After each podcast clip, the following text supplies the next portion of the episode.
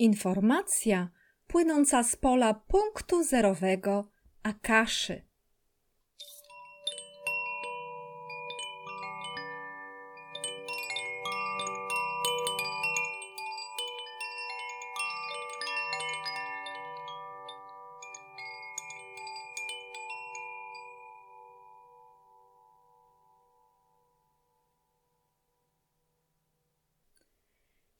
Rozwinąć i wzmocnić swoją wewnętrzną energię?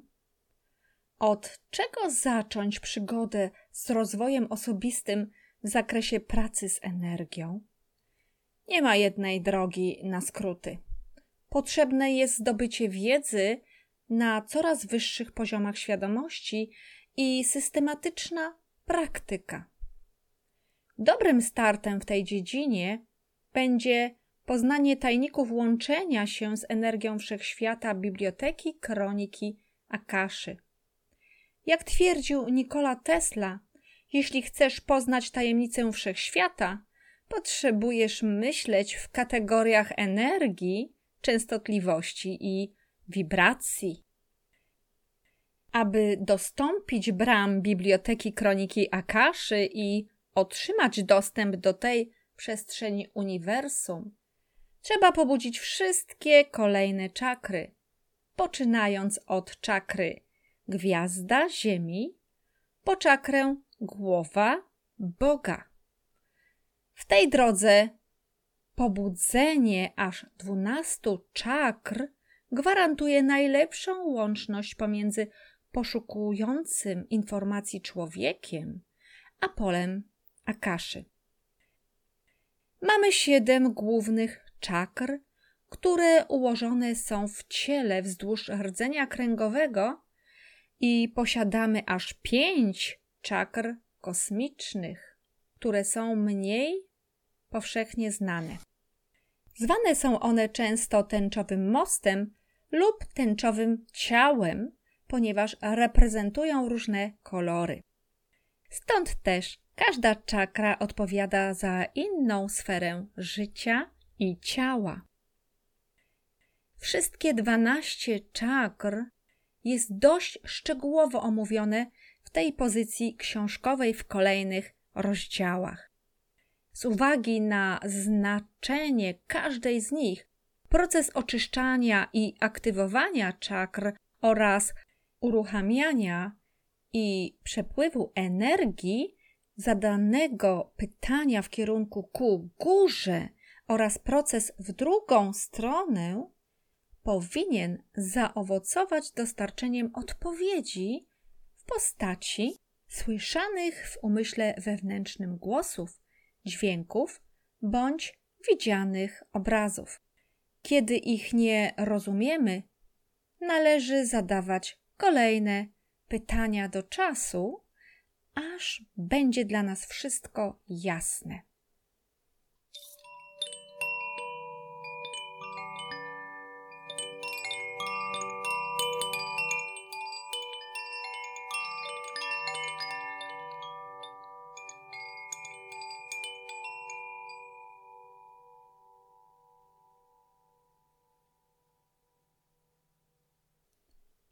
Słowo czakra pochodzi z sanskryckiego czakra i oznacza krąg oraz wir energii życiowej. Czakry pobierają energię tak zwaną pranę, rozprowadzają ją za pomocą tysięcy kanałów do wszystkich organów wewnętrznych i do każdej części naszego ciała. Wysyłają również energię na zewnątrz we wszystkich kierunkach do tyłu i do przodu oraz na boki, w lewo i w prawo, a także w górę i w dół, tworząc wokół ciała aurę. Każdy człowiek ma nieco inną aurę, gdyż wibruje odmiennymi częstotliwościami swoich myśli, swoich emocji, tego, jaki ma tryb życia, czy jest uzależniony oraz tego, jak się odżywia. Warto pamiętać, że człowiek widzi cały swój świat zewnętrzny poprzez pryzmat własnych emocji. To, czego nie możesz zmienić, zaakceptuj. To, co masz wewnątrz, tym emanujesz na zewnątrz. Zmień emocje, a zmieni się rzeczywistość. Każdej z czakr przypisuje się odpowiednie oddziaływanie na sferę psychiczną, duchową oraz przestrzeń fizyczną człowieka. Stąd blokady w czakrach widoczne są nie tylko w ciele fizycznym w postaci różnych dolegliwości, lecz również w emocjach i myślach, w równowadze psychicznej płynącej z doświadczenia różnych problemów i trudności. Harmonijnie funkcjonujące czakry to homeostaza całego organizmu oraz poczucie szczęścia, spełnienia i dobrostanu. Aby wznieść się do wyższych poziomów wibracji energetycznych, pobudzić, otworzyć wszystkie czakry oraz wzbudzić energię kundalini i osiągnąć duchowe oświecenie, potrzeba przejść od pierwszej czakry aż po sam czubek naszego ciała i uaktywnić je kolejnie, uzyskując oczekiwany efekt stania się oświeconym człowiekiem.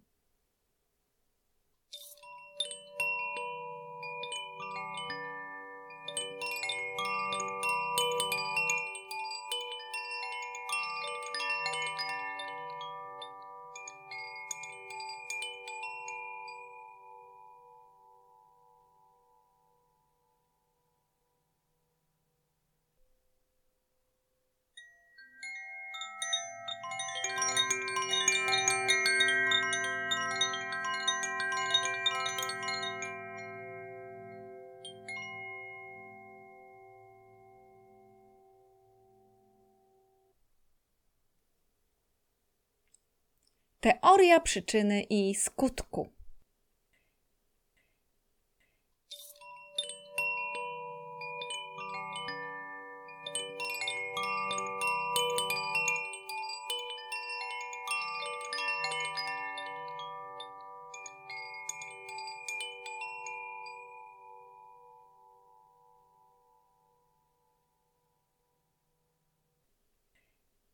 W książce rozpatrywane jest zagadnienie subiektywizmu jako stanowisko filozoficzne ogłaszające, że wszelkie poznanie faktu i dotknięcie każdego tematu zależy od właściwości umysłu ludzkiego i jego sposobu odczuwania jako reakcji na wydarzenie. W tym wypadku chodzić będzie o założenie przyjmujące emocjonalne doznanie podmiotu subiektywne, a nie wyłącznie obiektywną rzeczywistość. Na takie relacje autorka tej książki będzie zwracać uwagę wielokrotnie, gdyż błędy, jakie czasem popełniamy, reagując zbyt emocjonalnie na dane wydarzenia, mogą prowadzić nas do nieodwracalnych skutków i kolejnych zdarzeń, na które możemy nie mieć wpływu w późniejszym czasie i które będą nieodwracalne w skutkach. Ich konsekwencje i to, jak na nie zareagujemy subiektywnie, może skutkować przez długie lata i ciągnąć się za nami jak kula u nogi. Niekiedy taką niechcianą przeszłość niektórzy zapijają alkoholem, zajadają ogromnymi porcjami przekąsek, idą w nadmierną pracę lub poszukują przygód w innych związkach na boku małżeństwa. Uciekają tym samym od samego siebie i rozwiązania swoich wewnętrznych konfliktów oraz nagromadzonych problemów w samym sobie, być może nawet tych narastających od dzieciństwa. Uciekają od samych siebie, od swojego wnętrza, kierują się na zewnątrz i tu w panice poszukują rozwiązania. Zamiast skupić się na sobie oraz poprawie swojego stanu psychicznego poprzez wyciszenie umysłu i znalezienie najlepszych rozwiązań, oni wolą dalej nieść ten cały balast przez kolejne lata prosto w przyszłość. To tak, jakbyśmy w podróż zabierali stare ciuchy wiszące w szafach, pękających od nadmiaru niepotrzebnych rzeczy, bądź dźwigali ogromnych rozmiarów walizki w coraz większej ilości z miejsca na miejsce lub z jednej relacji do drugiej, z jednego związku do kolejnego związku partnerskiego. Czas zostawić większą część bagażu, aby nam nie ciążył na plecach, a karku nie obciążał i nie dociskał ku dołowi. Kiedy ludzie dźwigają zbyt dużo, mają często przykuloną sylwetkę i pochylone plecy. Czy wątpisz w siebie?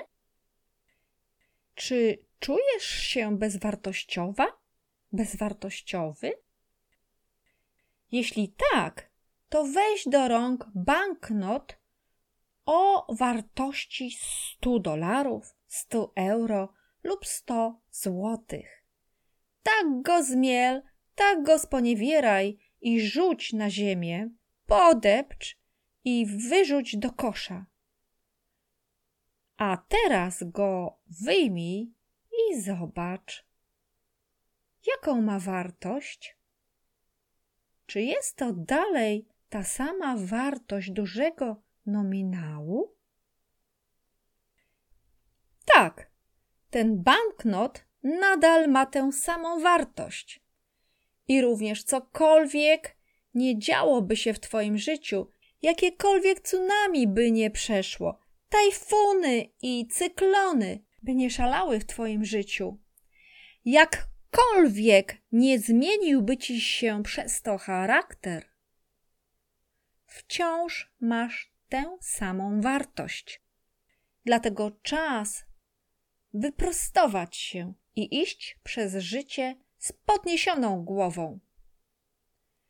Wszystko to jest reakcją przyczynowo-skutkową. Jest nią zarówno fakt skulenia pleców na skutek smutku, przygnębienia psychicznego, a nawet rozżalenia i nieporadności z jakiegoś powodu. Sytuacja ta mogła nastąpić znacznie wcześniej, na przykład w dzieciństwie.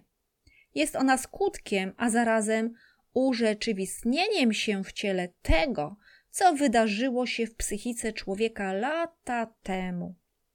Wtedy stan ten wystartował z punktu zero, a efekt jest teraz. Podobnie teraz ludzie patrzą na osobę skuloną, odbierają ją jako ofiarę, osobę przegraną, słabą, schorowaną.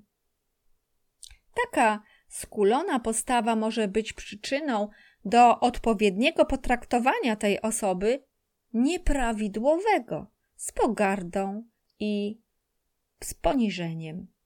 Każdego dnia ta osoba startuje z punktu zero ku kolejnym godzinom życia. Jednak taki człowiek może pozwolić sobie również na zmiany, może pracować nad swoją psychiką, duszą i wzmacniać się, prostując ciało. Moment podjęcia decyzji o tym to właśnie kolejny punkt zero. Wciąż jesteśmy w tym punkcie. Startujemy z niego, aby dojść znów do pewnego etapu życia, do punktu życia i znów z niego wystartować do punktu zero.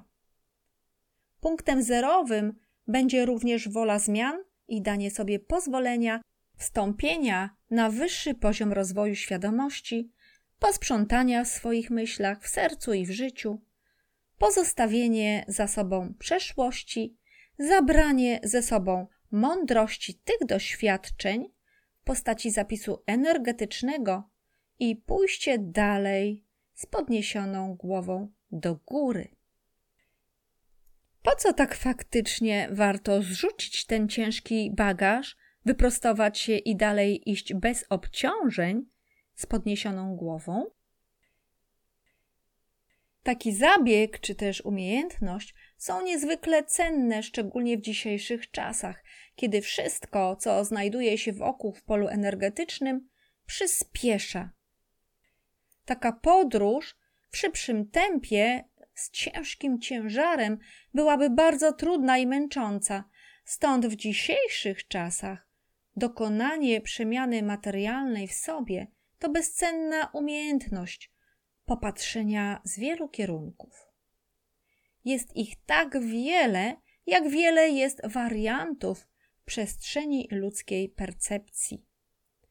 Możesz patrzeć na sytuację z różnych stron, z wielu perspektyw, czyli z wybranego punktu zerowego, odzwierciedlając swój poziom nieświadomości bądź świadomości tak, jak chcesz, bądź tak, jak czujesz sercem.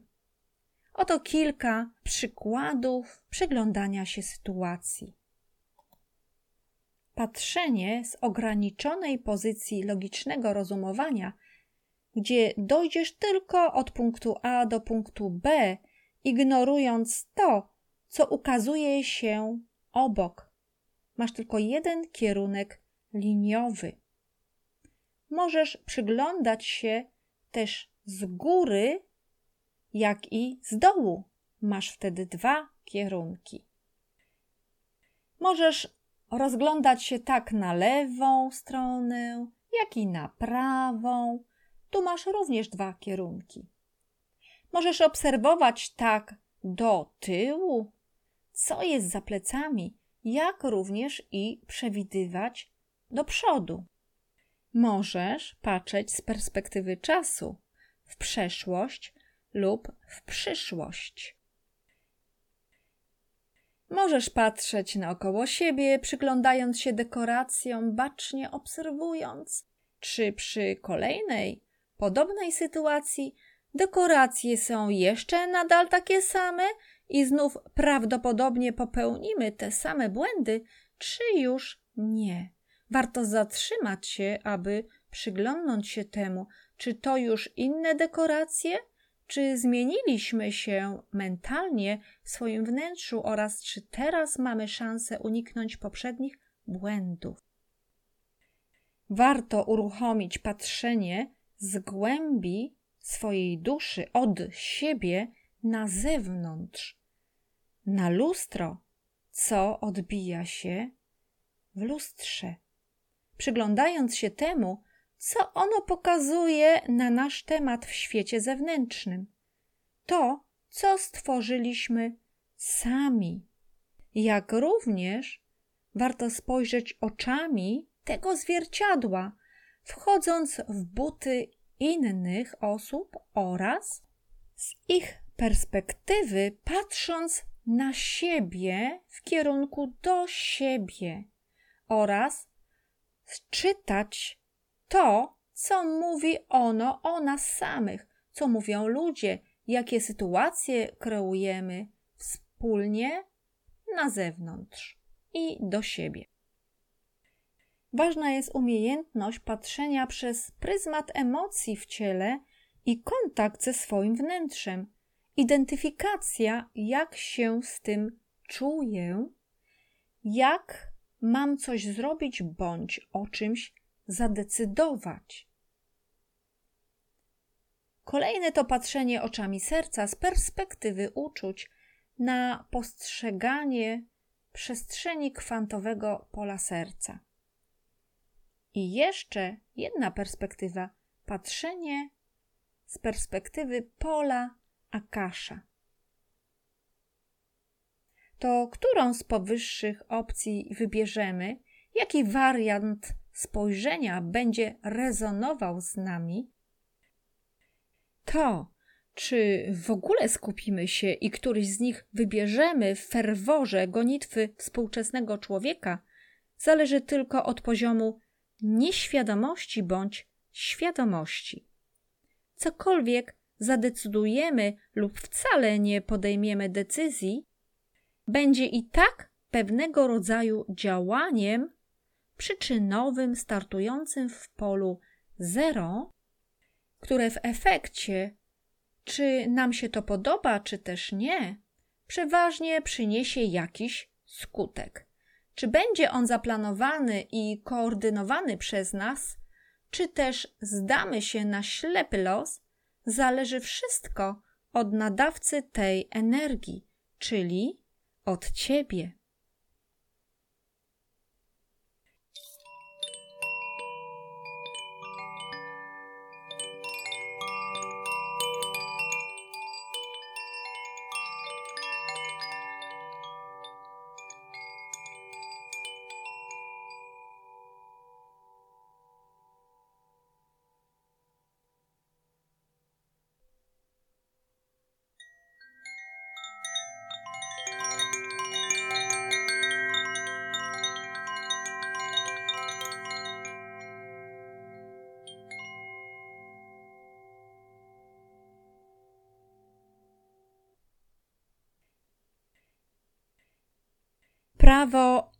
Instant karmy.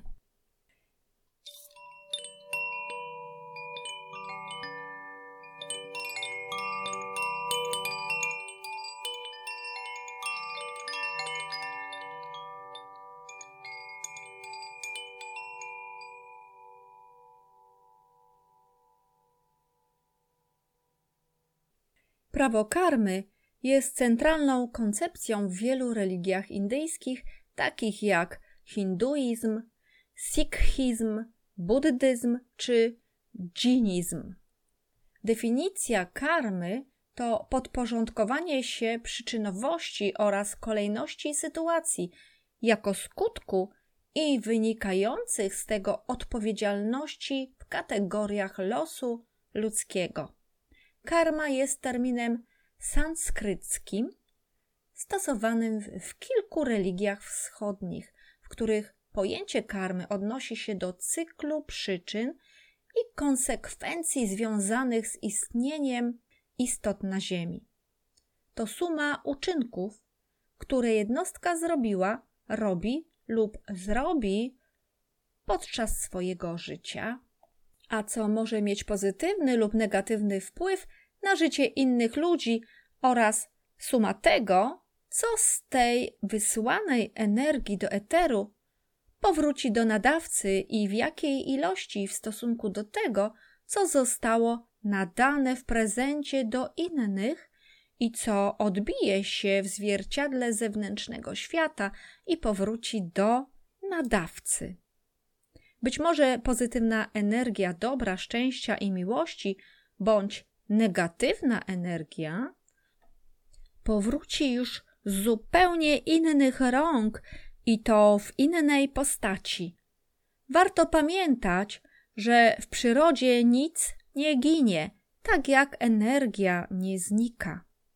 Zatem warto zastanowić się, co wysyłasz, ponieważ prędzej czy później zbierzesz tego znacznie więcej, zbierzesz tego plon. Każda istota jest odpowiedzialna za swoją karmę i jeśli później dozna krzywdy, nie powinna nikogo za to winić, lecz zastanowić się, co zrobiła niedobrego w tym życiu bądź w swoich poprzednich istnieniach. W religiach, które przyjęły pojęcie reinkarnacji lub odrodzenia, każda czynność wywołuje skutki, które zgodnie z wierzeniami mają wywierać wpływ na indywidualne życie jednostki i kształtować jej los w następnym życiu. Pojęcie karmy jest również obecne w doktrynach różnych zachodnich ruchów ezoterycznych, znane też jako krąg życia lub kosmiczne koło wszechświata według buddyzmu. Czym jest instant karma? Instant karma to szybka karma dotycząca przyczyny czegoś, co właśnie się stało i natychmiastowego skutku. Przykładowo, kierowca jedzie z niedozwoloną prędkością i natychmiast rusza za nim pościg policyjny, aby dać mu mandat wraz z karą pieniężną. Analogicznie do tego, we współczesnym świecie wszystko dzieje się dość szybko. Stąd karmiczne rezultaty naszych działań również znacznie przyspieszyły. Wytłumaczenie zjawiska instant karma jest dość proste. Kiedyś, aby przedostać się z jednego miejsca do drugiego, trzeba było wielu godzin, dni, tygodni, a nawet miesięcy jazdy bądź przepłynięcia statkiem. Wtedy bieg wydarzeń i sytuacji był znacznie wolniejszy, informacje docierały wolniej, a ich skutek również odbywał się w odleglejszym czasie. Niekiedy mijały miesiące i lata, zanim na skutek przyczyny ludzie mogli dostrzec skutek wcześniejszych swoich decyzji i działań. Kiedyś, aby porozmawiać z kimś na innym kontynencie, było to praktycznie niemożliwe albo prawie niemożliwe. Wtedy pozostawały tylko listy, które tygodniami płynęły statkiem. Dziś wszystko dzieje się w czasie prawie rzeczywistym. Wystarczy kilka godzin, aby być w odległym miejscu i kilkanaście, aby być na drugim kontynencie. Natomiast rozmowa jest możliwa natychmiast poprzez wszelkiego rodzaju komunikatory bądź mobilny telefon komórkowy. Łatwiej również obrazić się, szybciej pokłócić i natychmiast zerwać ze swoją narzeczoną.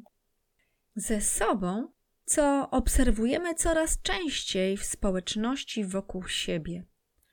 W ortodoksyjnym materializmie mamy związek przyczynowo-skutkowy z chronologią czasu. Robiąc coś teraz lub czegoś nie robiąc, startujemy z punktu zerowego i generujemy skutek tego w przyszłości. Wydaje się to zupełnie oczywiste i naturalne. Warto zauważyć zjawisko przyspieszenia rzeczywistości współczesnego człowieka na wszystkich przestrzeniach i w każdym aspekcie. Wszystko jest całością. Nie da się wyrwać tylko jednego z nich i przyspieszyć, gdyż są to naczynia połączone i wszystko znajduje się w tym samym polu energetycznym. To wszystko działa na zasadzie domina. Poruszając tylko jeden element, cała układanka zmienia swoje położenie. W efekcie przyspieszenia pojawia się nerwowość. Niespokojny umysł jest wciąż popychany dalej i dalej, bez głębszego zastanowienia, usiłując rozwiązać wszelkie problemy. Próbuje wszystko na siłę utrzymać pod kontrolą i zmuszany jest do podejmowania szybkich decyzji. Przypomina to bezsensowne siedzenie na środku ogromnego jeziora w łódce bez wioseł, które w pośpiechu gdzieś wypadły i młócenie rękoma po wodzie pod prąd w nadziei ruszenia naprzód. Jeśli łódka będzie płynąć z nurtem rzeki, wiele drobnych problemów rozwiąże się samoczynnie, bez większego wysiłku. To dlatego, gdyż nurt z reguły płynie drogą najmniejszego oporu. Przyroda nie lubi tracić energii na próżno. Jeżeli rozwiązanie problemu znajduje się już w polu wariantów, jeśli nie bije się rękoma w taflę wody i nie gmatwa sytuacji dodatkowymi, emocjonalnymi działaniami, jeżeli nie przeszkadza się nurtowi wariantów, to rozwiązanie sytuacji jako skutku przyjdzie samo w najbardziej optymalnej wersji. Będzie to również w najmniej oczekiwanym momencie i czasie. Trzeba tylko cierpliwie wytrwać, płynąc z nurtem i uważnie obserwować przestrzeń z wielu perspektyw aby dostrzec i wybrać najlepszą. Wtedy największym prawdopodobieństwem będzie urzeczywistnienie się wariantu najmniej energochłonnego. Taka optymalność w aurze natury jest cechą struktury pola informacji wszechświata, pola kroniki Akaszy.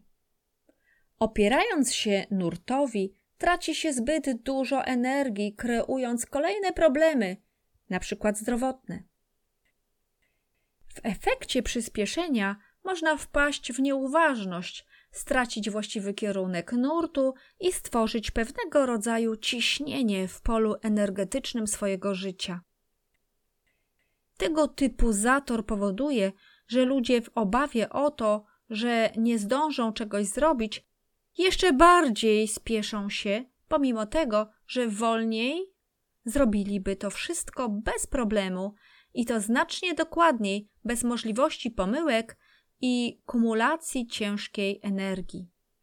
Stąd też ludzie nie potrafią wysypiać się, bo szkoda im czasu na sen.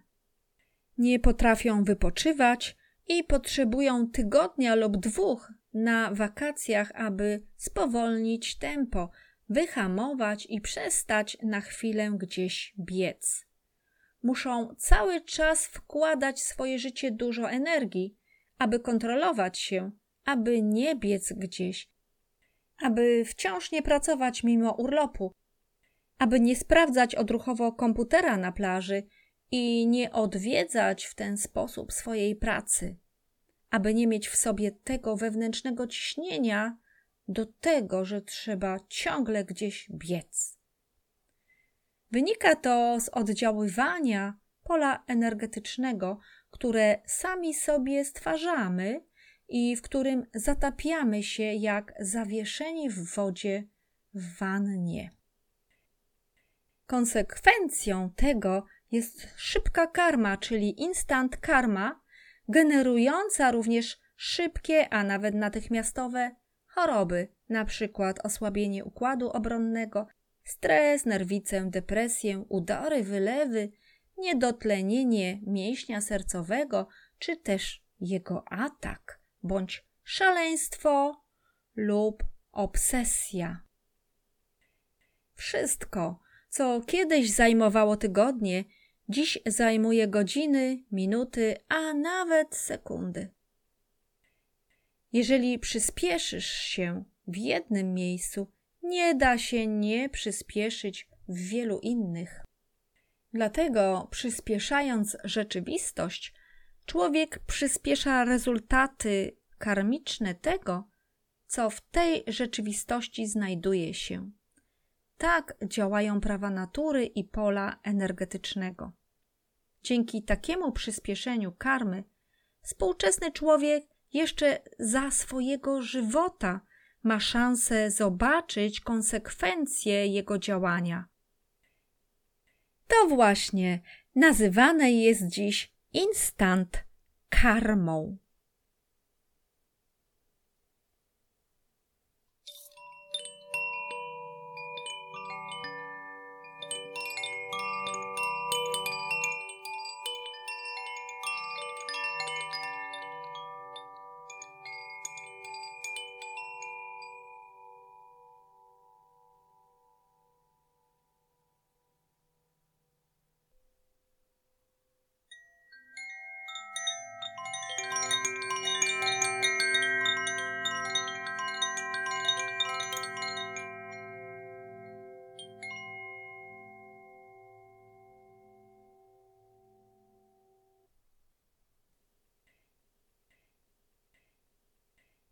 Pozwolenia sobie na.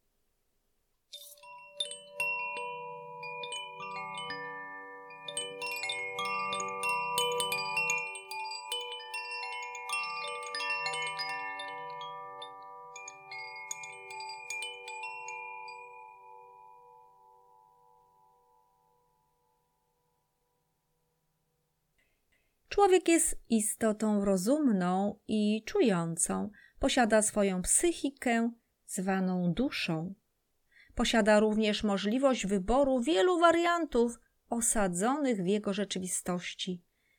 Rzeczywistość ta przejawia się w dwóch postaciach: fizycznej, czyli namacalnej, i metafizycznej, która leży poza zasięgiem percepcji logicznego umysłu. Obie postacie rzeczywistości istnieją wzajemnie, przenikają się energetycznie i dopełniają, tworząc jedność. W ludzkim świecie, chcąc wszystko zrozumieć, nazwać i dać temu znaczenie, dominuje polaryzacja pojęć, stąd wiele określeń dla rzeczy ma swoją przeciwną stronę, tworząc dualizm. Tymczasem w świecie wariantów nie ma tylko dwóch rozwiązań. Wszystko jest pewnego rodzaju szablonem, według którego odbywa się dokonywanie wykroju ludzkiego losu, a dalej szycie go na swoją miarę. W świecie tym istnieje również pokaz mody. W świecie tym prawie wszystko przesiąknięte jest duchem rywalizacji, nerwowej gonitwy, poganiania się wzajemnie jedni z drugimi, konkurowania ze sobą, zazdrości o sukces, przeganiania się, skupiania na wynikach, a niekiedy nawet oczekiwania, aby za wszelką cenę coś zdobyć, zapominając o sobie samym i swoim życiu. Czas zatrzymać się i rozglądnąć, patrząc z wielu perspektyw, aby nie dać sobą manipulować, nie słuchać bezpodstawnej krytyki, nie żyć w ciągłym biegu, nie dać się pospieszać i poganiać przez innych, czy też powozić nami, jak koniem pociągowym przez jakiegoś woźnicę. Czas skontaktować się ze sobą, aby samodzielnie decydować w swoim życiu, aby stanowić w pełni o sobie. Subiektywizm jest najczęściej dualny.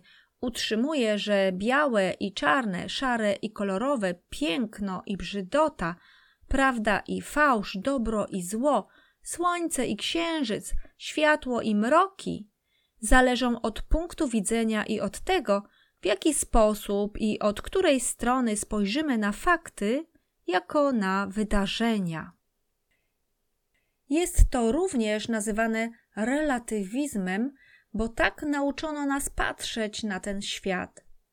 Pierwszy i najsłynniejszy wyraz relatywizmu dał grecki sofista Protagoras z Abder głosił pogląd o tym, że każdy jednostkowy człowiek samodzielnie decyduje o prawdziwości lub fałszywości wypowiadanego zdania.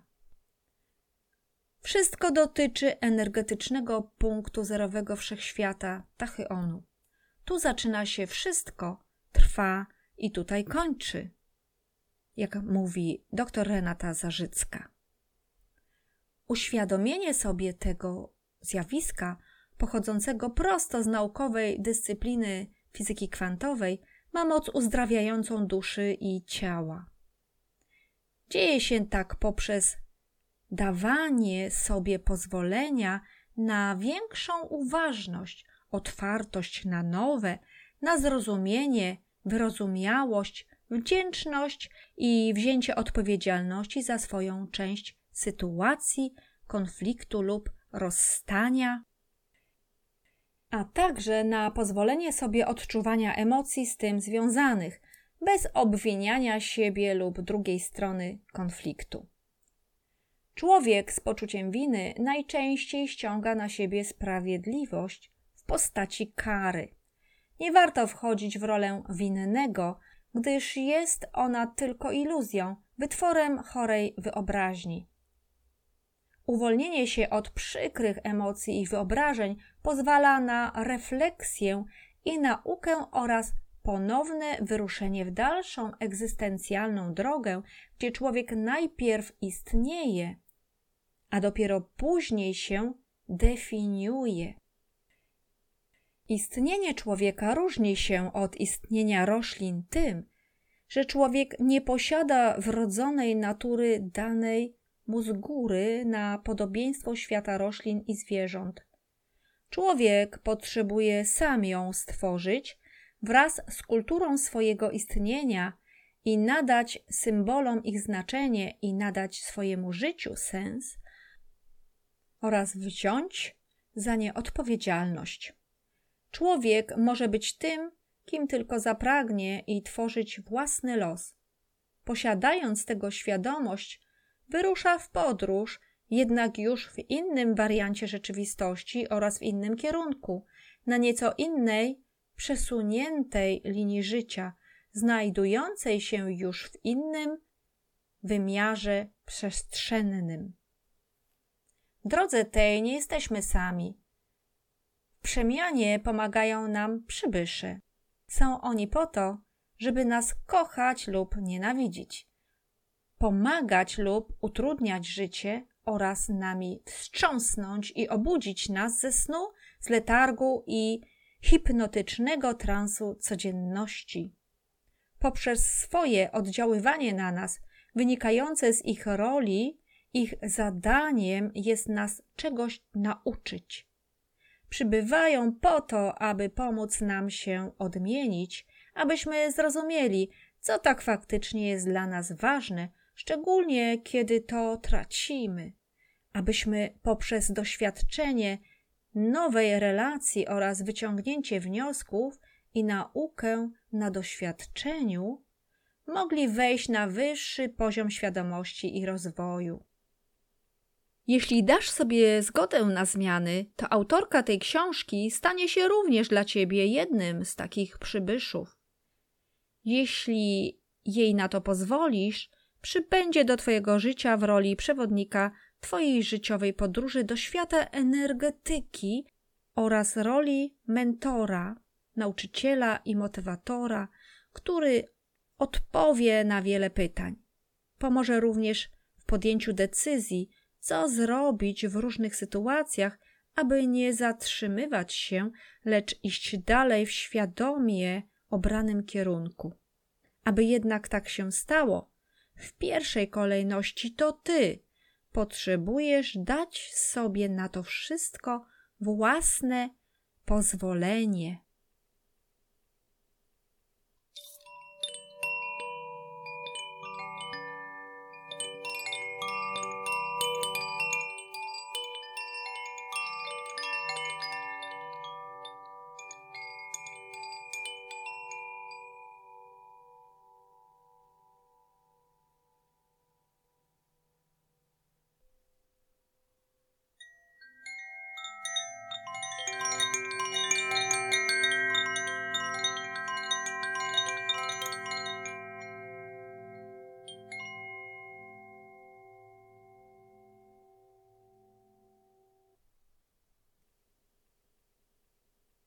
Energetyczne prawo wzrostu.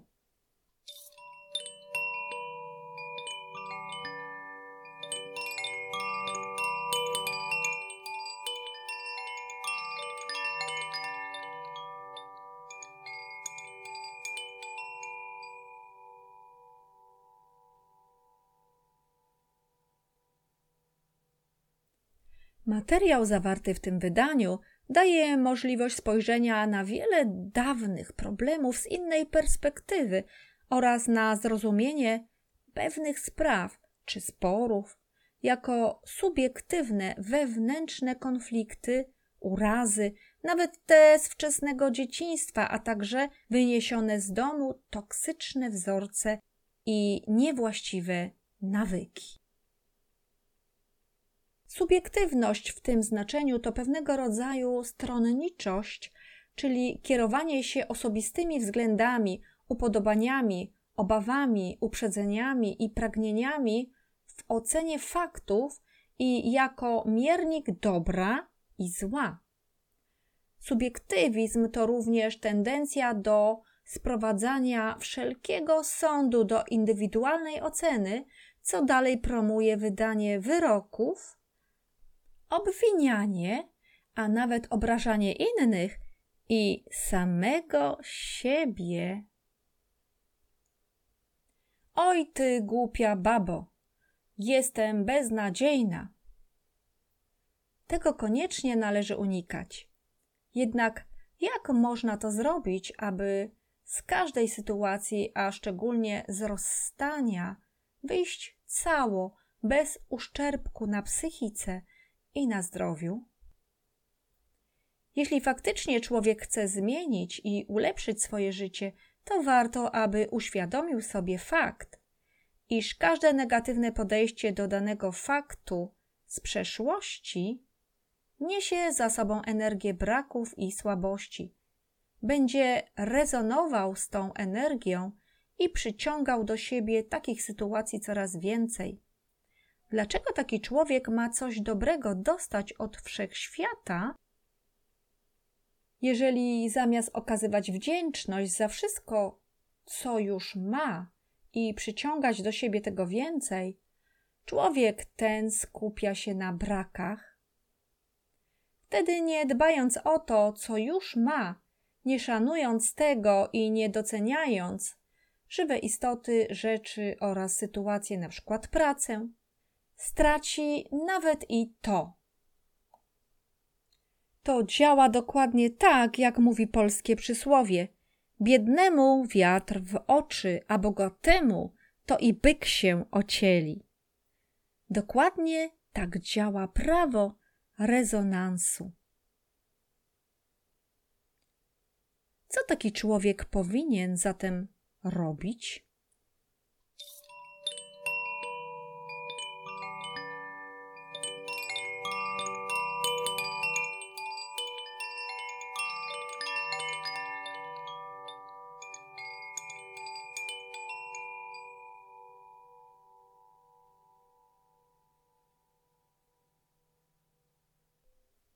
Aby cokolwiek zmienić w świecie, który nas otacza, potrzebujemy zmienić naszą wibrację, aby zmienić pole energetyczne wokół siebie, aby przyciągnąć już inne sytuacje i ludzi, a tym samym zbudować tarczę ochronną, aby pewne sytuacje i ludzie już nie mieli do nas dostępu. Pomocna jest w tym energia jako narzędzie. Częstotliwość to najcenniejsze narzędzie, które każdy z nas posiada w swoich zasobach. Można nią uzdrawiać, jednak może też prowadzić istoty żyjące do destrukcji ciała i ducha, do choroby, do obłędu i szału, a może nawet go zabić. Mowa tu o wibracjach czy też energii, zwanej również jako Chi i Q. Jest to zarazem najprostszy system zerowo-jedynkowy, czyli binarny, znany od zarania dziejów, a pochodzący ze starożytnych Chin.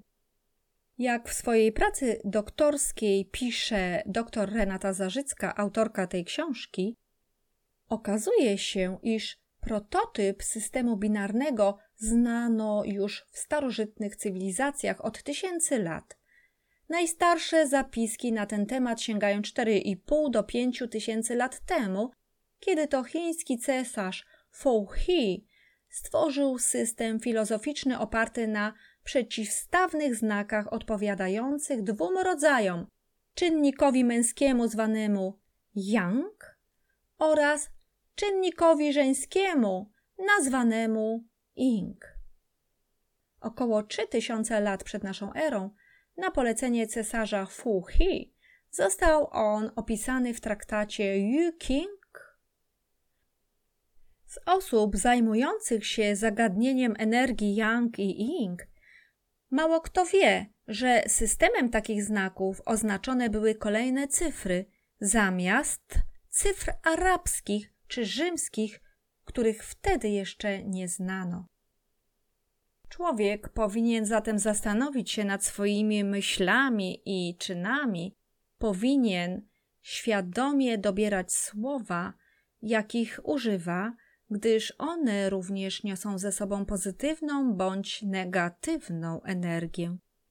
Wszystko, co ma odcień negatywny, powinno być zastąpione pozytywną dominantą. Dam ci przykład. Słowa doktor Renaty Zarzyckiej. Mój świat wybiera dla mnie wszystko to, co najlepsze. Kocha mnie, i chroni. Świat wychodzi mi naprzeciw i wie, jak się o mnie troszczyć. Należy zatem tylko zmienić swoją wibrację, podnosząc jej częstotliwość poprzez wyrażanie wdzięczności za to, co już masz. Mówi się, że wdzięczność jest początkiem prawa wzrostu. Warto przy tym pamiętać, że zawsze startujemy od punktu zerowego, poruszając się do tego, co sami wykreujemy. Jeśli jest to połączone z wdzięcznością, to we wszechświecie nazywa się to właśnie prawem wzrostu.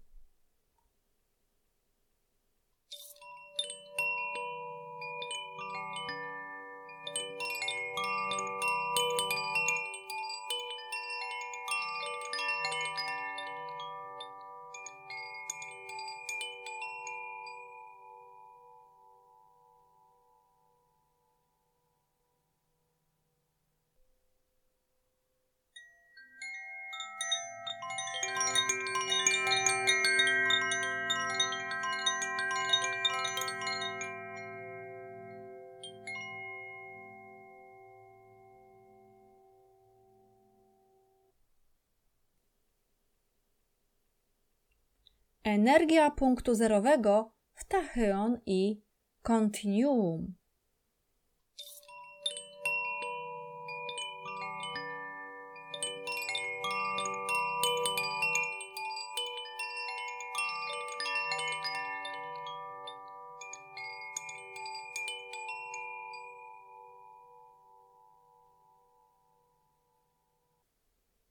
Wstępnie warto przybliżyć zagadnienie, czym jest fizyka kwantowa. Fizyka kwantowa to fascynujący temat, który od lat wprowadza rewolucję do znanego nam dotychczas zagadnienia fizyki.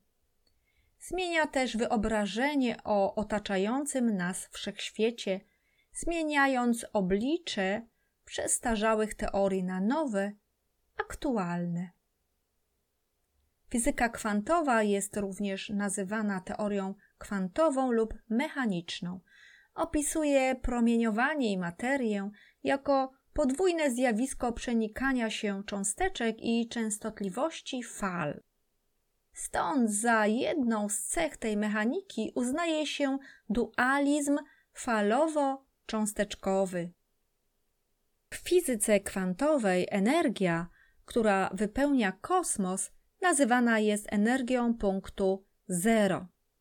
Energia punktu zero jest bezpostaciowa, szybsza niż światło, wypełnia wszystko, zatem jest wszechobecna. Jest nieskończenie inteligentna i zawiera wszystko, co jest potrzebne do stworzenia idealnej formy. Nie dotyczy jej żadne wirowanie, obroty, nie ma częstotliwości ani ciągu grawitacyjnego. Jest jak próżnia, nicość, takie nic, pustka. Energia tachyon jest również wszechobecna i bezgraniczna, jak energia punktu zerowego. Energia ta posiada całą potencjalną informację do stworzenia idealnej formy w kosmosie. Tak jak energia punktu zerowego Energia tachyon nie obraca się i nie oscyluje, nie ma częstotliwości i nie podlega grawitacji. Czym zatem różnią się? Jedyną różnicą między energią punktu zerowego jest to, że tachyon ma formę, urzeczywistnia się, może przybierać kształt. Stąd kondensacja energii punktu zerowego w tachyon jest początkiem kontinuum energii. Biorąc bezpośrednio odpowiedzialność za tworzenie wszystkich form na planecie i we wszechświecie. Co do bezpośredniej energii punktu zero, jest całością, ale bez formy. Mówiąc analogicznie o oceanie, zawiera on nieskończoną ilość kropli wody. Jeśli z oceanu weźmiemy tylko jedną kroplę, to ta kropla nadal będzie zawierała cały spis składników i cech, jakie posiada cały ocean. Różnicą w tym przypadku będzie zmaterializowanie się, urzeczywistnienie energii, która przybrała właśnie formę kropli. Jest to urzeczywistnienie się energii. Podobnie tachyon zawiera wszystko, co istnieje w energii zero, ale ma swoją formę. Na tej zasadzie mogą materializować się w ciele myśli, uczucia i emocje człowieka, przybierając często formę emocji, czucia i choroby. Biorąc pod uwagę myśli, uczucia i emocje człowieka, kondensacja energii punktu zerowego jako punktu początku energii zamiaru wewnętrznego człowieka poprzez ciąg między innymi myśli, potrzeb, wewnętrznej woli decydowania o czymś, motywacji wewnętrznej i sprawności, tworzy w świecie realnym wszystkie możliwe warianty formy rzeczywistości. Produkcji materii bezpostaciowa energia punktu zero kondensuje się w szybszy niż światło tachyon, przez co w efekcie wpływa na matrix energetyczny, z którego są zbudowane wszelkie formy fizyczne. Na tej zasadzie z dwóch komórek męskiej i żeńskiej może stworzyć się zarodek, a dalej płód i żyjąca istota. Cała informacja genetyczna o tym, gdzie stworzyć, jaki narząd, czy ma to być kot, czy pies lub człowiek, jako The Energetic Continuum, jest zapisana w świecie energetycznym tachyonu. Ponieważ źródłem informacji jest energia punktu zero, sama w sobie energia tachyon zachowuje całą informację potrzebną do stworzenia idealnego kontynuum energii dla każdej zindywidualizowanej formy życia, gdyż kontynuum energetyczne posiada cechy energii ze źródła. Wszystko, co dzieje się w ciele ludzkim, istnieje już znacznie wcześniej w przestrzeni energetycznej punktu zero. Kondensuje się w energii tachyonu i w ramach kontynuum energii przybiera idealną formę w realnym świecie. Mówiąc prościej, kontynuum energii przepływa z nieskończonej, bezkształtnej przestrzeni naszych myśli do skończonych, ograniczonych, gęstszych form fizycznych. Kiedy następuje blokada indywidualnego kontinuum, pojawiają się różne dolegliwości i choroby fizyczne i osłabienie energetyki w ciele. Aby usunąć dolegliwości, należy usunąć blokady. Blokada oznacza nieporządek lub chaos w kontynuum energii. Energia w chaosie wytraca się z ciała, co powoduje jej niedobory. Blokady te mają formę poszczególnych częstotliwości, niezgodnych z prawidłowymi wibracjami komórek ciała.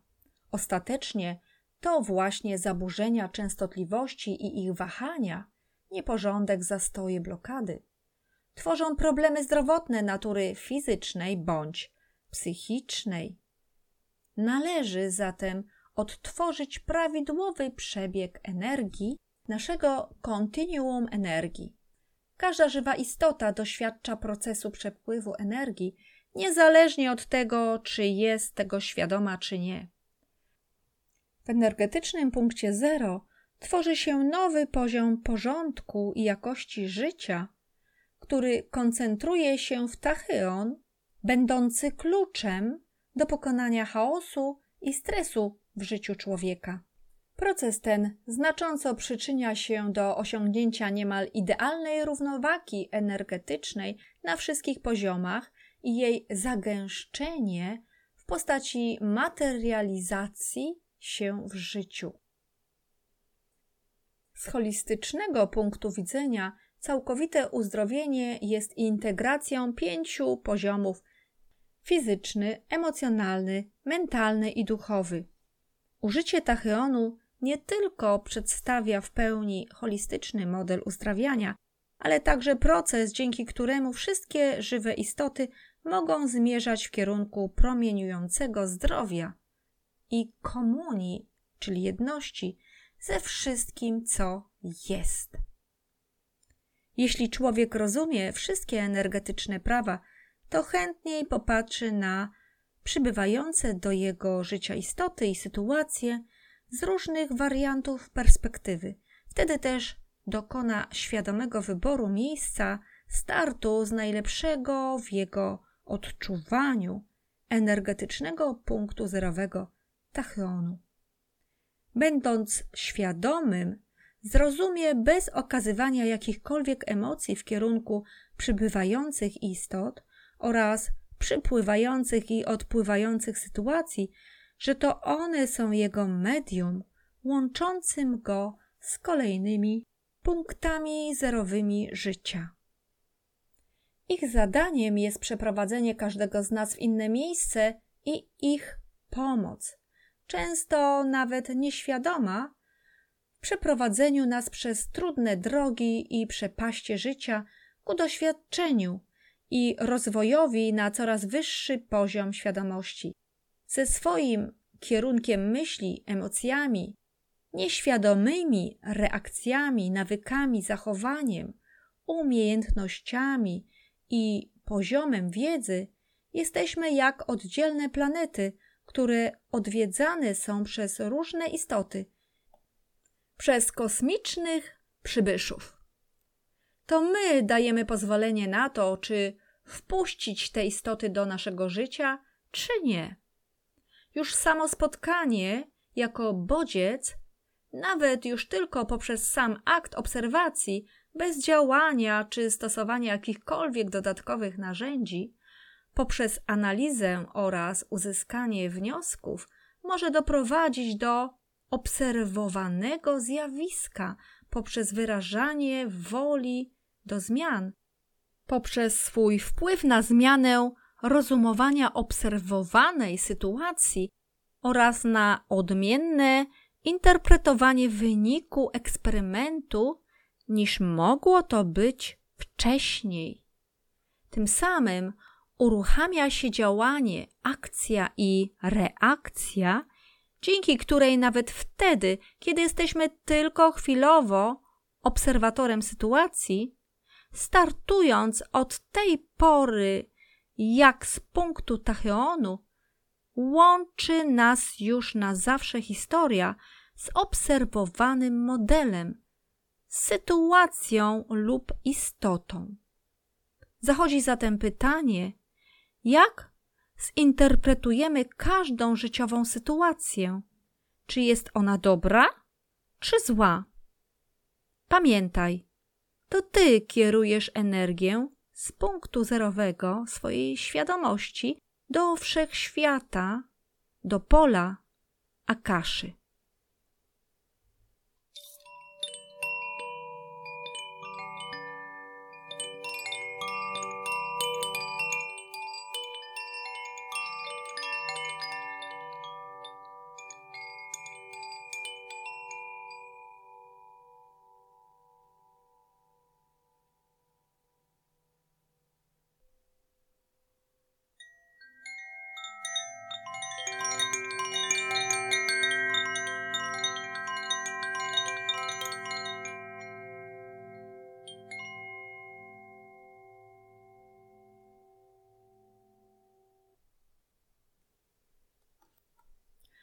prawo rezonansu jako fizyka cudów.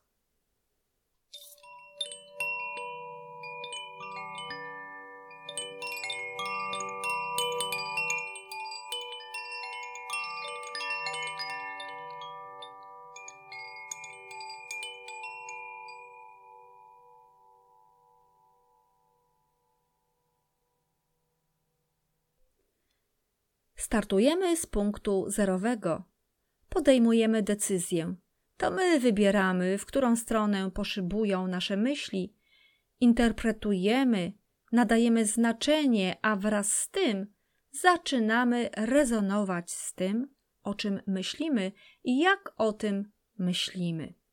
Tworzymy z tego wibrację, zagniatamy ją tak jak ciasto i ugęszczamy, zmieniając energię do tego, czego chcemy w formie materii.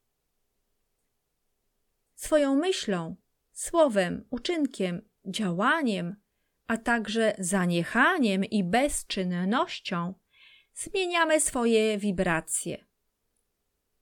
Tym samym na matrycy rzeczywistości zmieniamy odbicie tej wibracji w zwierciadle tego, co na zewnątrz.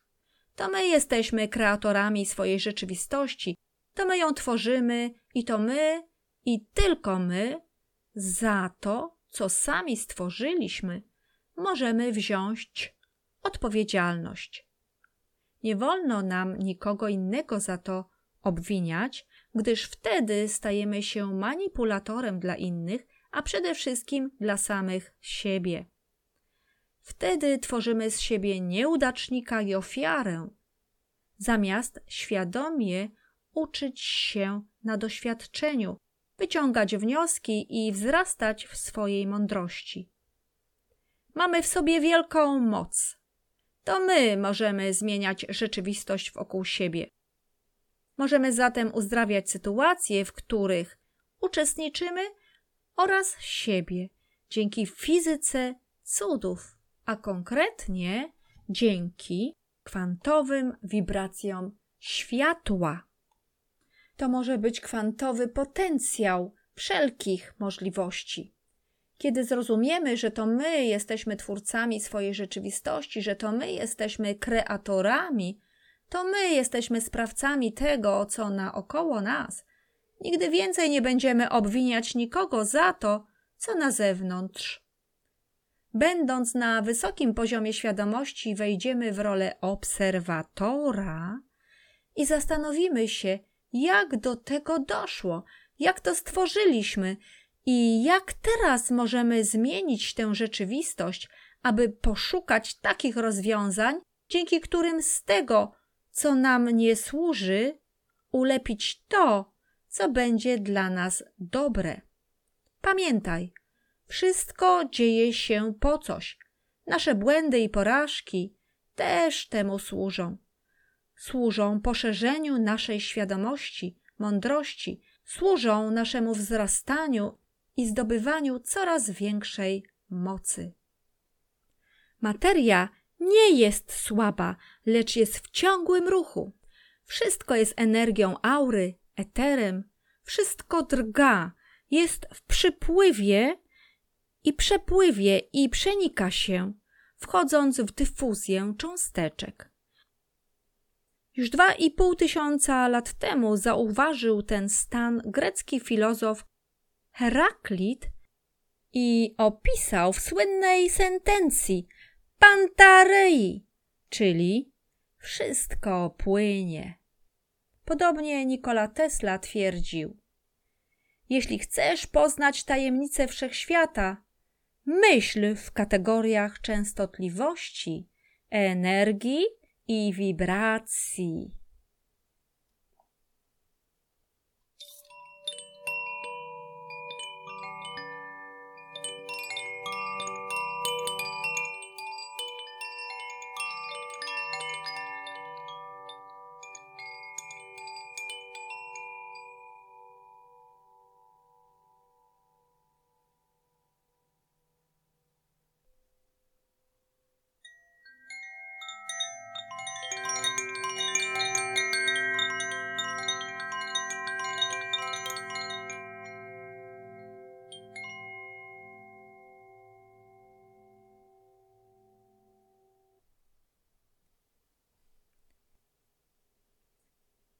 Energetyczne pole punktu zerowego Akaszy.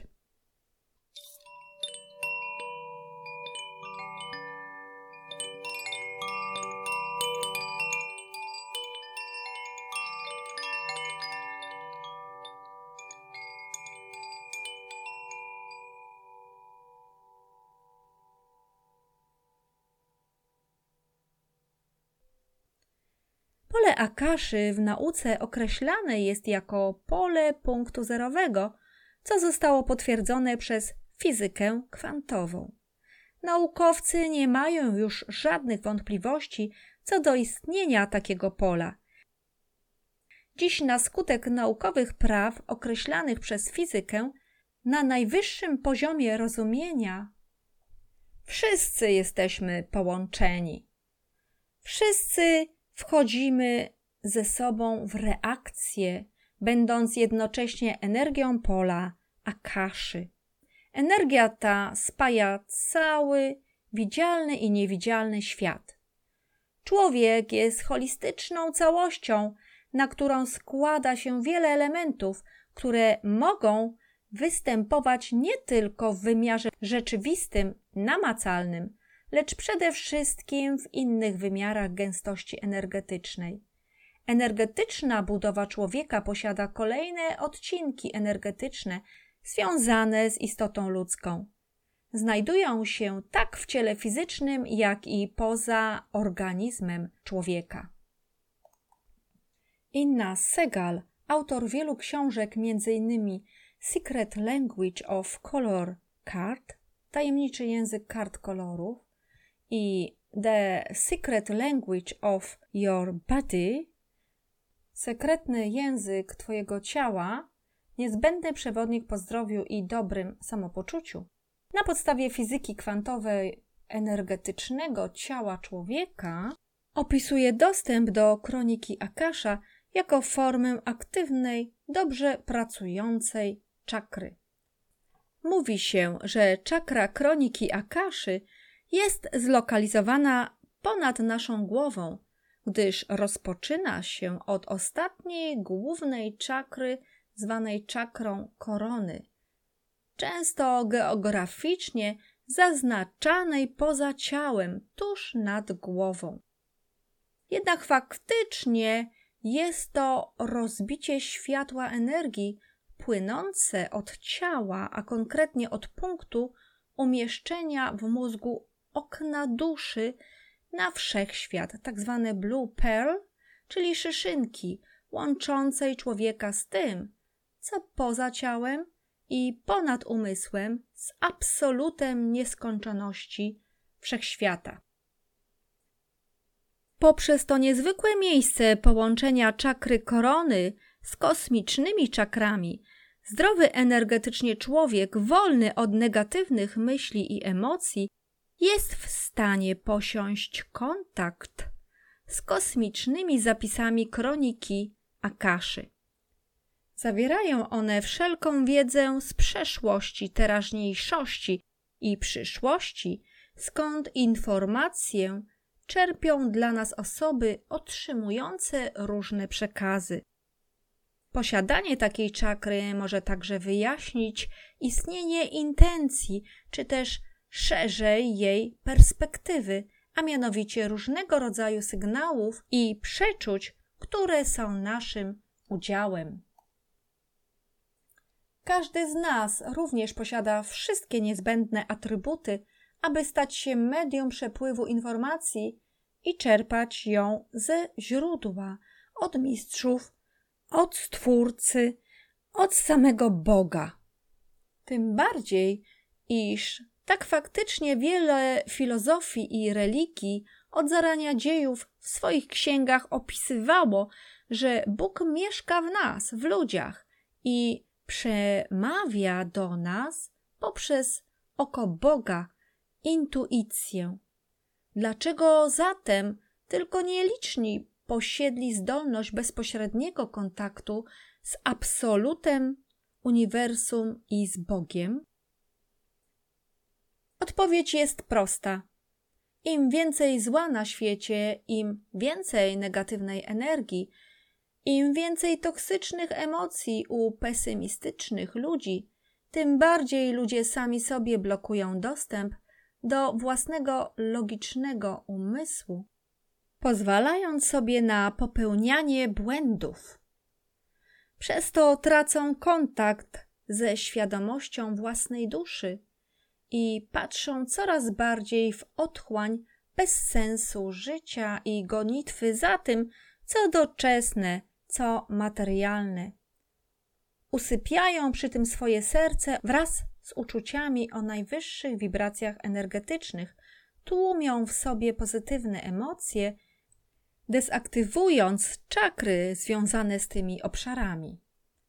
Czy można zaradzić takiej samodestrukcji człowieka? Jak tego dokonać i uzdrowić swoją energetyczną duszę? O tym jest właśnie ta książka, w której krok po kroku autorka przeprowadza czytelnika przez różne możliwe jego słabości i problemy, które należy uzdrowić w sobie, zamienić je na wyzwania, wytyczyć sobie cele i znaleźć dla nich rozwiązanie. Segal wskazuje na to, że źle funkcjonująca czakra kroniki Akaszy może być źródłem wielu dolegliwości, a mianowicie zawrotów głowy, zaburzeń dysfunkcyjnych, zaburzeń przemiany materii, chaotycznego zmęczenia czy też depresji. Twierdzi także, że nasze dolegliwości mogą być przeniesione z poprzednich wcieleń, czy też być właściwe całej naszej linii rodowej.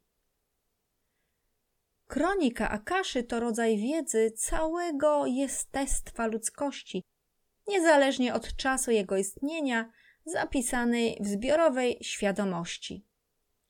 Odnaleźć tam możemy wszelkie informacje o karmie, przeznaczeniu, zadaniach, które są wytyczone człowiekowi do przepracowania podczas jego drogi reinkarnacji w kolejnych wcieleniach. Mając w nie wgląd, jesteśmy w stanie zrozumieć zapisy informacyjne, które są niezbędne do uzdrowienia wielu niezrozumiałych dotąd sytuacji z życia człowieka, z naszego oraz z życia wielu ludzi, którzy poproszą nas o to i dadzą nam na to swoje pozwolenie. Posiadając dostęp do czakry kroniki Akaszy, możemy podjąć próbę wyjaśnienia istnienia intuicji jasnowidzenia oraz otrzymywania od wszechświata różnego typu przekazów, czy też szerzej, różnego rodzaju sygnałów i przeczuć, które są dla nas ważne na daną chwilę i są naszym udziałem. Dzieje się to poprzez ciało energetyczne, pozwalające na swobodny przepływ informacji przez wszystkie czakry. Człowiek dostaje w tym procesie ważną rolę medium w przepływie informacji od i do źródła.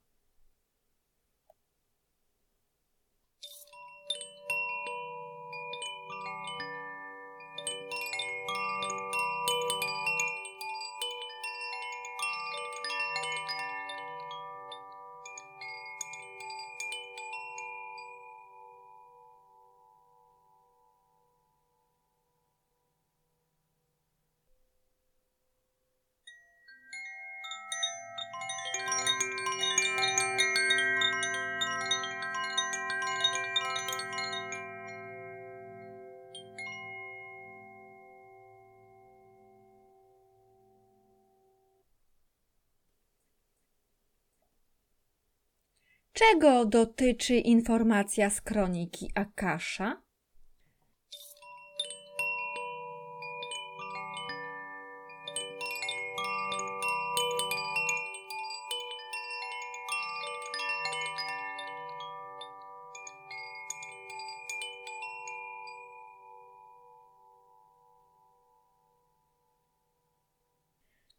Współpraca z kroniką Akaszy pozwala dokonać wglądu w siebie, wniknąć w najdrobniejsze szczegóły życia i zidentyfikować czystość przepływu energii przez wszystkie czakry człowieka lub odkryć problem w tej przestrzeni.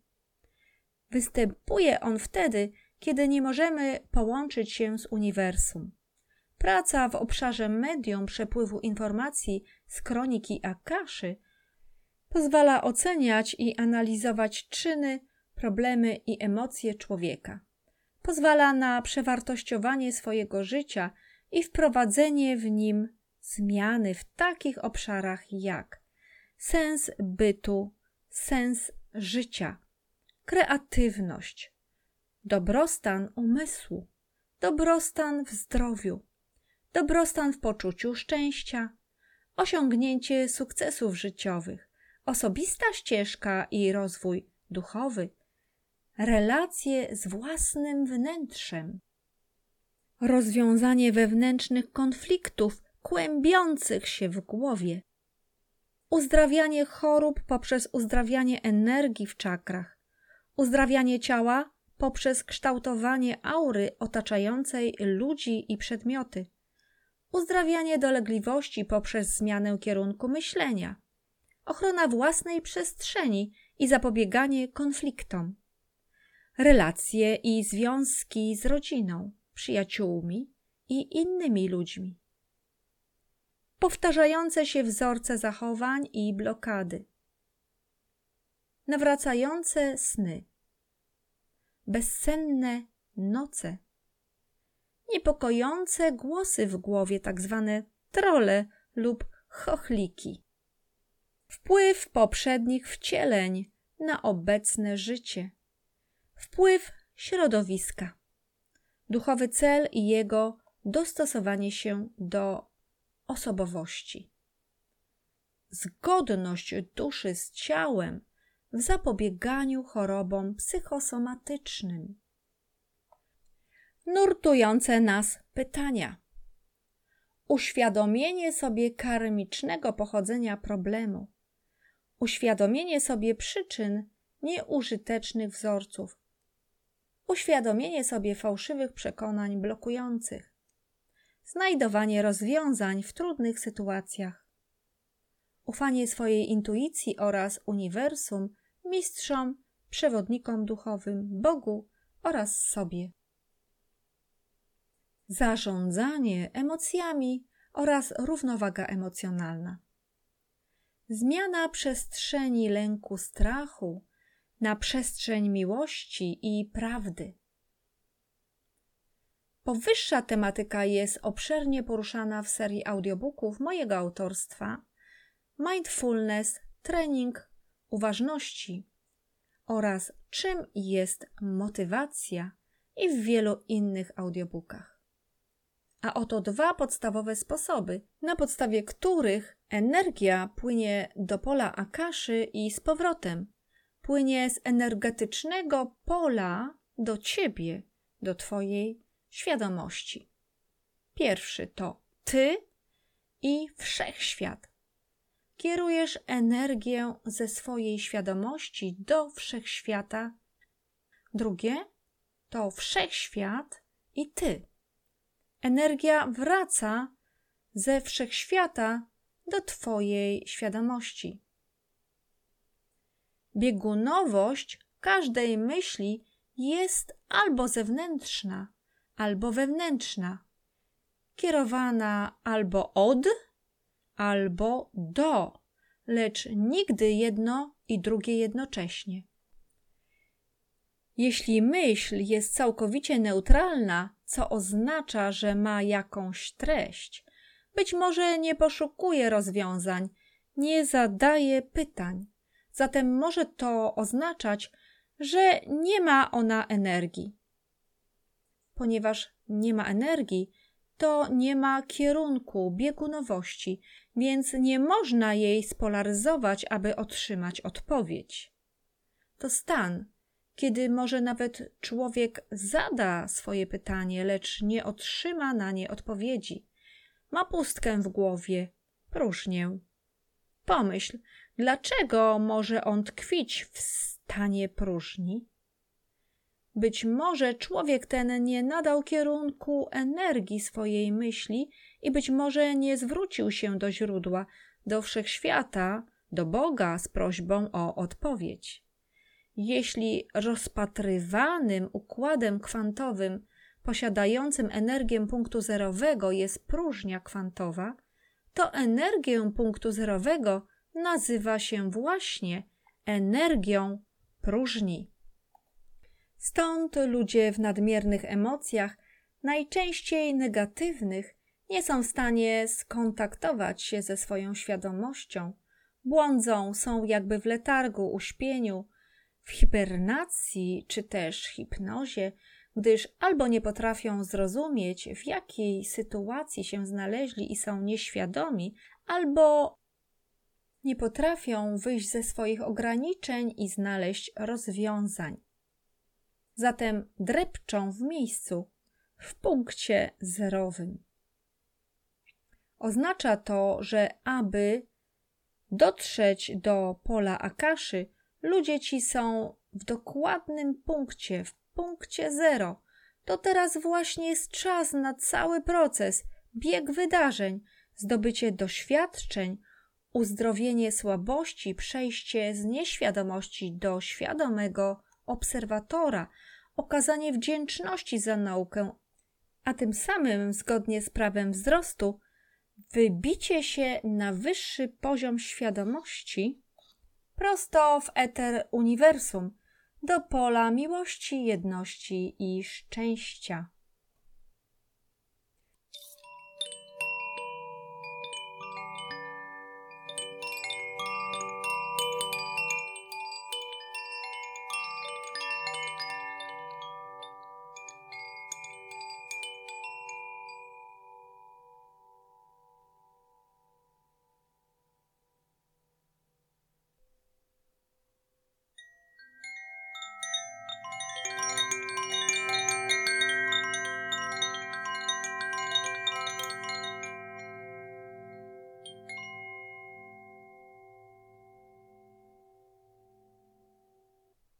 Tym miejscu pragnę przypomnieć, iż kwantowa moc uzdrawiania to również pięć ksiąg w postaci e-booka oraz audiobooka.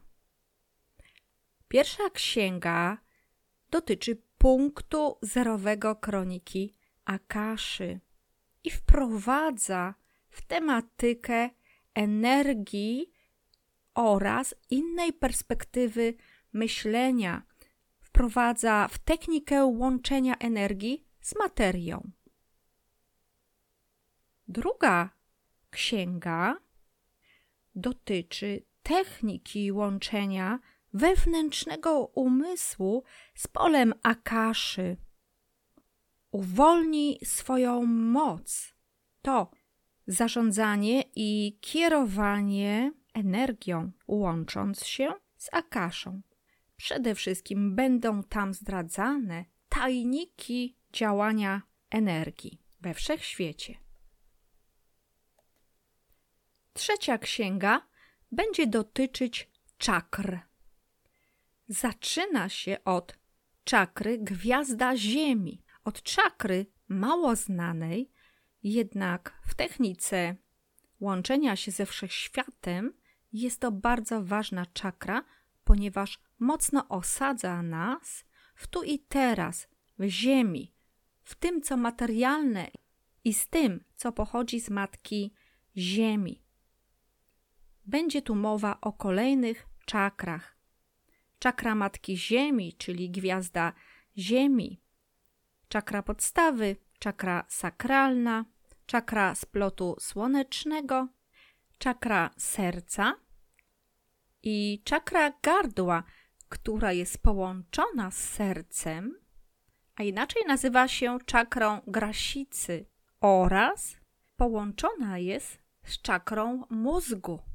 Te dwie czakry, czakra grasicy i czakra mózgu, są mało znane. Wszystkie czakry dotychczas omawiane dotyczyły przede wszystkim ciała. Natomiast czwarta księga mówi nam o uduchowieniu, o połączeniu i zaczyna się od czakry trzeciego oka. Dalej mamy czakrę korony oraz kosmiczne czakry. Czakra kausalna, czakra duszy, gwiezdna brama i czakra głowy Boga. Te czakry również są mało znane. z uwagi na to, iż przeważnie mówi się o siedmiu podstawowych czakrach osadzonych w ciele. Natomiast cykl kwantowa moc uzdrawiania dotyczy wszystkich czakr połączonych w ciele i poza ciałem, tak abyśmy dobrze byli połączeni z energią kosmosu, abyśmy czuli to połączenie z przodu, z tyłu, z lewej, z prawej strony, z góry i u dołu.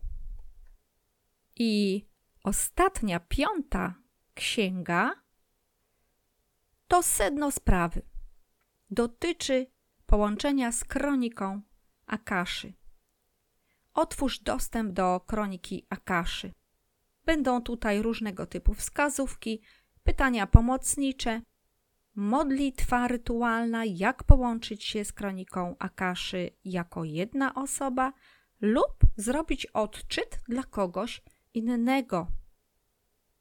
Również niezbędny jest rytuał zamknięcia całego portalu i o tym też będzie tutaj mowa. Ponadto będą tam również medytacje oczyszczające wibracje w postaci różnego typu modlitw, jak również zakończenie dotyczące czym jest szczęście, jak uzdrawiać swoje słabości, transferring rzeczywistości na falę szczęścia, frailing itd. Tak A teraz zapraszam serdecznie do wysłuchania kolejnych odcinków.